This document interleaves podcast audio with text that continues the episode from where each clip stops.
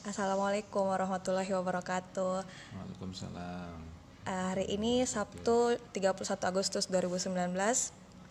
Saya bersama dengan Bapak Insinyur Thomas Nivin Luri MSC selaku Kepala Balai Besar Konservasi Sumber Daya Alam Sulawesi Selatan.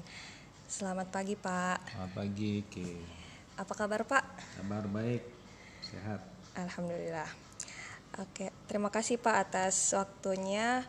Eh, sebelumnya saya mau cerita sedikit tentang eh, kegiatan yang saya lakukan kurang lebih dua pekan yang lalu. Iya. Jadi saya melakukan survei secara online dan offline, membagikan kuesioner kepada eh, warga Kota Makassar kuesioner tentang eh, saya ingin melihat bagaimana sejauh mana pengetahuan mereka tentang satwa liar yang dilindungi.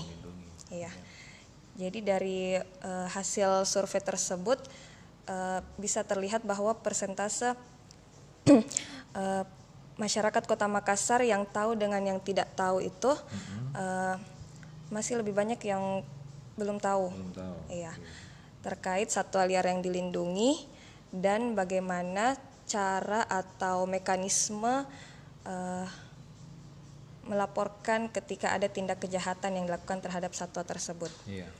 Ya, jadi eh, saya ingin tanyakan beberapa pertanyaan kepada Bapak. Mulai mungkin kita mulai dari apa sih definisi dari satwa liar itu? Silakan Oke, Pak. baik. Terima kasih, Ki. Jadi eh, saya kira bagus eh, melakukan kegiatan survei eh, persepsi masyarakat terhadap keberadaan kantor BKSDA, termasuk juga tentang kehidupan satwa liar dan eh, lain-lain. Nah, sebenarnya eh, dengan survei ini paling tidak kita bisa menentukan strategi komunikasi seperti apa nanti teman-teman BKSDA akan lakukan supaya makin dikenal. Hmm, ya. Semakin dikenal oleh publik, semakin dikenal oleh masyarakat supaya eh, program pelestarian dan konservasi eh, tumbuhan dan satwa liar itu bisa berjalan dengan bagus. Ya.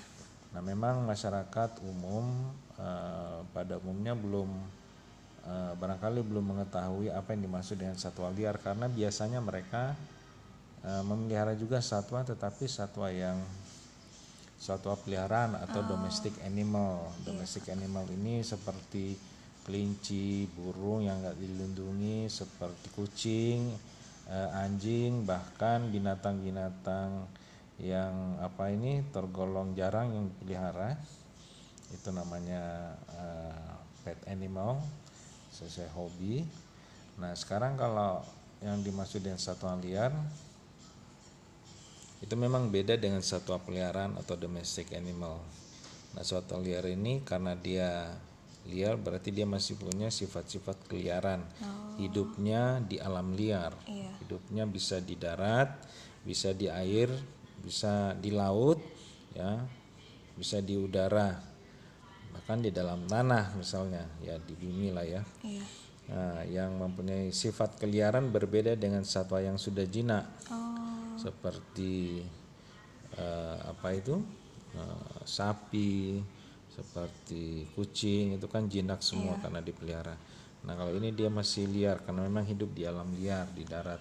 Misalnya tarsius eh, yang di darat atau anoa atau rusa timor itu semua yang hidup di darat binatang bahkan monyet ya makaka di Taman Nasional Ba- Bantimurung Busarau ada. Ada juga ikan yang hidup di air itu karena dia eh, sifatnya endemik, nah, dia termasuk satwa liar. ya bahkan dilindungi. Ada yang di udara seperti burung rangkong, ya, itu burung rangkong juga itu satwa liar dan burung jenis-jenis burung yang lain karena hidup di alam liar. Jadi dia bebas eh, hidupnya di alam bahkan yang dipelihara. Kalau yang dipelihara ini tentunya punya izin ada lembaga konservasi, ada penangkaran misalnya. oke. Jadi itu ada di dalam eh, definisinya di dalam Undang-Undang 590 juga tentang konservasi sumber daya alam. Oh, jadi teman-teman bisa baca definisinya di Undang-Undang Nomor 5 Tahun Ya. 90 tentang konservasi sumber daya alam dan Ya. ekosistem. Ya, nah, selanjutnya Pak, eh, satwa liar itu ada yang dilindungi dan tidak dilindungi. Hmm. Nah, untuk yang dilindungi sendiri itu apa kriterianya sehingga mereka disebut sebagai satwa liar yang dilindungi? Nah, ini banyak sekali jenis satwa yang ada hidup di alam. Nah, khusus untuk satwa liar yang dilindungi ada paling tidak ada tiga kriteria. Ini sesuai Tiga dengan kriteria ya. ya sesuai dengan peraturan pemerintah nomor 7 ya tentang pengawetan jenis tumbuhan dan satwa.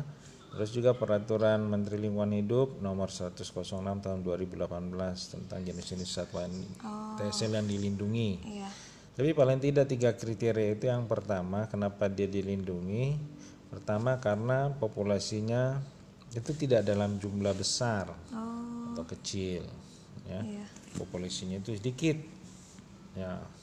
Kemudian eh, yang kedua eh, populasi atau jenis tertentu tumbuhan satwa liar ini sudah menurun drastis tajam.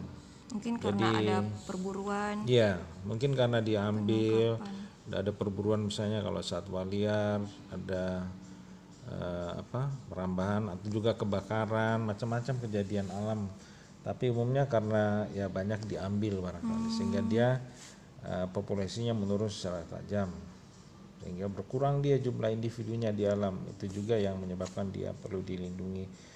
Kemudian yang ketiga dia punya habitat terbatas tempat hidup hidupnya dan dia endemik. Endemik jenis endemik ini berarti dia hanya hidup di tempat tertentu saja. Misalnya ikan buti ini yang ada di Danau Matano di Kabupaten Utara. Nah itu jenis ikan itu hanya hidup di Danau Matano, perairan Danau Matano. Kalau dia dibawa keluar dia dia mati dan beberapa jenis eh, makaka maura, jenis rangkong, tarsius itu hanya hidup endemik di eh, region Olese yang ada di Sulawesi. Oke, jadi Nah, tadi ada tiga kriterianya, populasinya yang kecil, kemudian jumlah individunya yang semakin menurun, Iya, dan yang terakhir eh, hewan itu tergolong endemik. iya endemik dia. Hanya hidup di tempat tertentu. Oke. Nah, selanjutnya Pak, apa saja sih yang eh, disebut sebagai tindak kejahatan terhadap satwa liar tersebut? Nah, ini banyak sekali juga kejadian-kejadian yang menyebabkan eh, satwa liar itu hidupnya eh, terancam ya. Eh, nah, bentuk-bentuk kejahatan ini seperti yang kita lihat di media, dia bisa eh, misalnya dipelihara tetapi tanpa izin. Itu juga masuk bentuk kejahatan karena melanggar Undang-Undang 590 bahkan KUHP juga ya. Karena di situ kejahatan terhadap satwa liar adalah kegiatan yang sifatnya menangkap. Menangkap, jadi Ya, tidak boleh menangkap. ditangkap. nggak boleh ditangkap kalau jenis dilindungi. Iya. apalagi melukai. Kemudian kalau dia tangkap dia bunuh atau dikonsumsi. Ada itu yang mengkonsumsi dibunuh. Menyimpan dan memiliki memelihara itu juga nggak boleh kalau mengangkut dan memperdagangkan apalagi itu ada izin peredaran dan perdagangannya nggak boleh sembarangan. Nah ini baik dalam bentuk hidup maupun mati. Jadi bentuk kejahatan seperti ini memang sering terjadi eh, karena mungkin ada eh, kemanfaatan kali ya diperjualbelikan secara ilegal. Jadi orang mencari-cari Iya. satwa-satwa tertentu untuk diperjualbelikan. Tapi ini melanggar undang-undang ini kejahatan. Jadi ada animal etik ada juga animal welfare. Ini kita harus perhatikan. Nah itu kira-kira bentuk kejahatan yang mungkin biasa kita temui. Oke, jadi kalau mau memelihara itu boleh asal ada izinnya. Iya, ada mekanisme izinnya, ada di Balai Konservasi Sumber Daya Alam itu memberikan pelayanan perizinan tentang penangkaran. Misalnya kalau seseorang mau menangkar rusa, itu kita berikan. Ya, tentunya ada syarat-syaratnya, dia sudah memiliki fasilitas, memiliki kandang, memiliki shelter, memiliki lingkungan yang sehat, jadi satwanya juga bisa tumbuh sehat Oh, dan berkembang biak di lingkungan penangkaran. jadi tidak boleh asal memelihara, dia harus punya eh, memenuhi Ya, syarat-syarat. memenuhi syarat-syarat tertentu juga terutama lingkungan kesehatannya bagaimana pemberian pakannya kemudian pelayanan kesehatan dari satwa itu vitamin dan obat-obatannya nah itu perlu diperhatikan Seperti itu. Oke, nah selanjutnya Pak, eh, Balai Konservasi Sumber Daya Alam itu apa sih? Kenapa sampai mengurusi juga masalah satwa liar atau tumbuhan, tumbuhan, tumbuhan yang ada di alam? Iya. Eh, kalau BKSDA itu merupakan unit pelaksana teknis yang ada di bawah Direktorat Jenderal Konservasi Sumber Daya Alam, Kementerian Lingkungan Hidup dan Kehutanan. Iya. Secara keseluruhan ada 80 satker di seluruh Indonesia. 53-nya adalah taman nasional. Oh, Selebihnya itu 28 itu adalah balai besar balai konservasi sumber daya alam yang tersebar di seluruh Indonesia. Nah, sesuai dengan Permen LHK nomor P8 tentang organisasi tata laksana iya. eh, kerja UPT KSDA itu KSDA itu memiliki eh, tugas dan tanggung jawab ya mempunyai tugas untuk menyelenggarakan konservasi sumber daya alam dan ekosistemnya baik di cagar alam di Suaka Magasatwa, Taman Wisata Alam dan Taman Buru.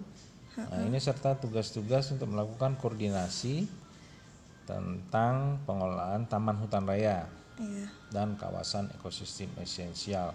Kawasan ekosistem esensial ini seperti hutan mangrove, kars, sungai, danau, eh, lahan basah itu yang masuk dalam kategori ekosistem esensial.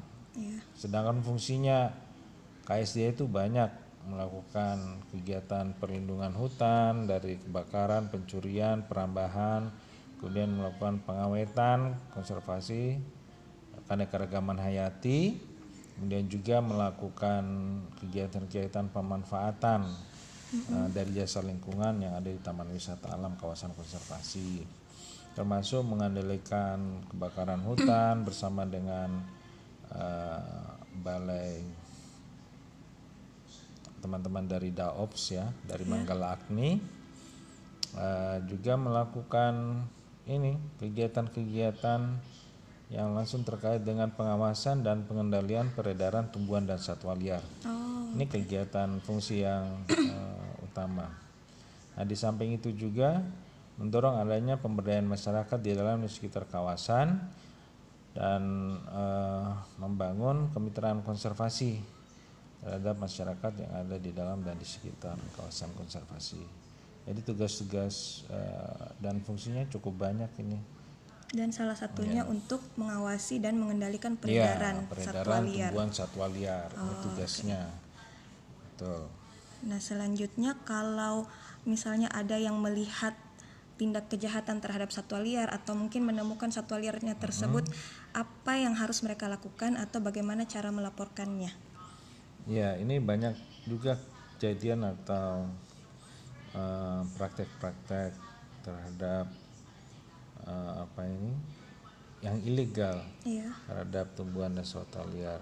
Nah, misalnya kalau ini terjadi, masyarakat itu bisa menghubungi call center kita Call center di Balai Besar KSDA Sulsel nomornya 0811 4600 883. Nah, itu bisa menghubungi call center ini dan melaporkan kejadiannya di mana, kapan, bagaimana itu dilaporkan. Juga bisa mendownload aplikasi New Ome. Ada aplikasi kita untuk melakukan pemantauan. New Ome ini adalah Ome panjangannya adalah orang melapor. Ini bisa di-download juga berbasis Android ya.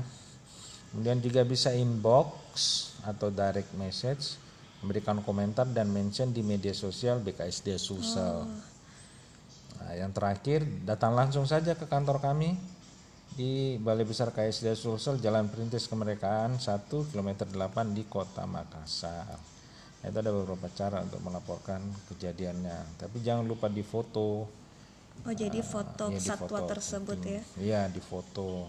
Dari misalnya dengan menggunakan aplikasi New Home ini bisa difoto, bisa di-share, langsung dilaporkan ke tim kami di balai supaya mendapat respons. Jadi aksesnya bisa lebih mudah karena bisa langsung di call centernya, kemudian aplikasi New Ome atau di media sosial dan yang terakhir bisa langsung datang ke kantor. Iya.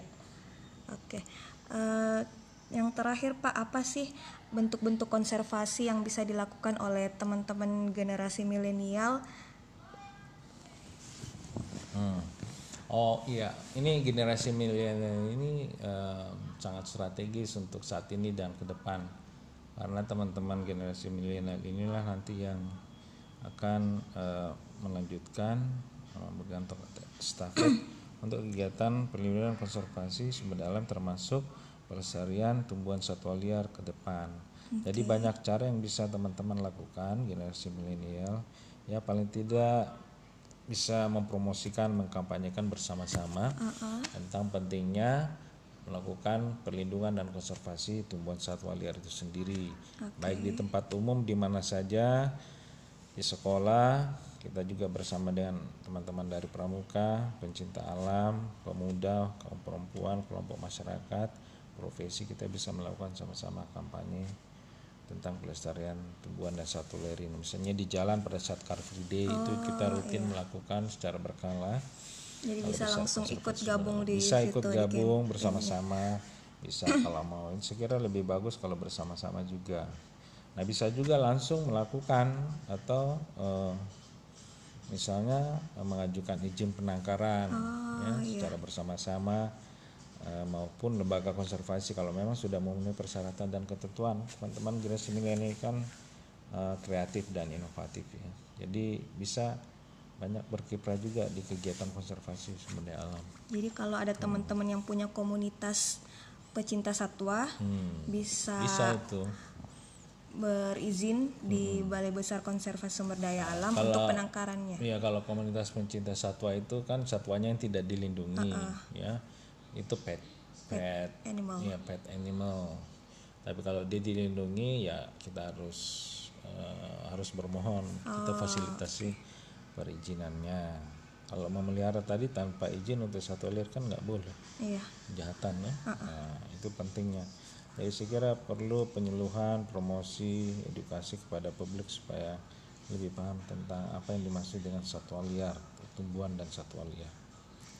Oke, jadi eh, teman-teman generasi milenial bisa langsung follow saja Ya. Instagramnya Balai Besar Konservasi Sumber Daya Alam atau BBKSDA Sulsel di Instagram dan kalau tadi ada melihat tindak kejahatan bisa hubungi call center atau download di Play Store aplikasi New Ome. ya betul Oke. sekali.